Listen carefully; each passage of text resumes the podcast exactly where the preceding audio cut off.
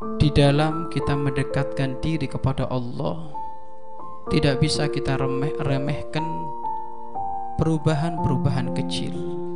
Karena dari bukit kecil lama kelamaan akan menjadi gunung dari satu langkah dua langkah lama kelamaan menjadi seribu langkah. Akan tetapi yang jelas biasakan kamu mengamalkan ilmu menggerakkan dirimu walaupun gerakanmu masih belum sempurna jangan biasa terbuai dengan kalimat belum waktunya belum saatnya. Itu termasuk adalah kalimat yang menipu yang menjadikan sebab banyak orang terlena dengan kalimat belum waktu waktunya. Laulal anfamata. Kalau bukan sekarang kapan lagi?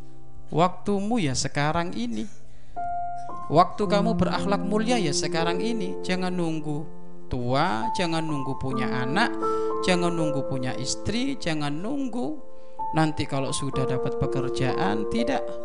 Sekarang inilah waktunya kita untuk bisa mempraktekkan akhlaknya baginda Nabi Muhammad Wasallam.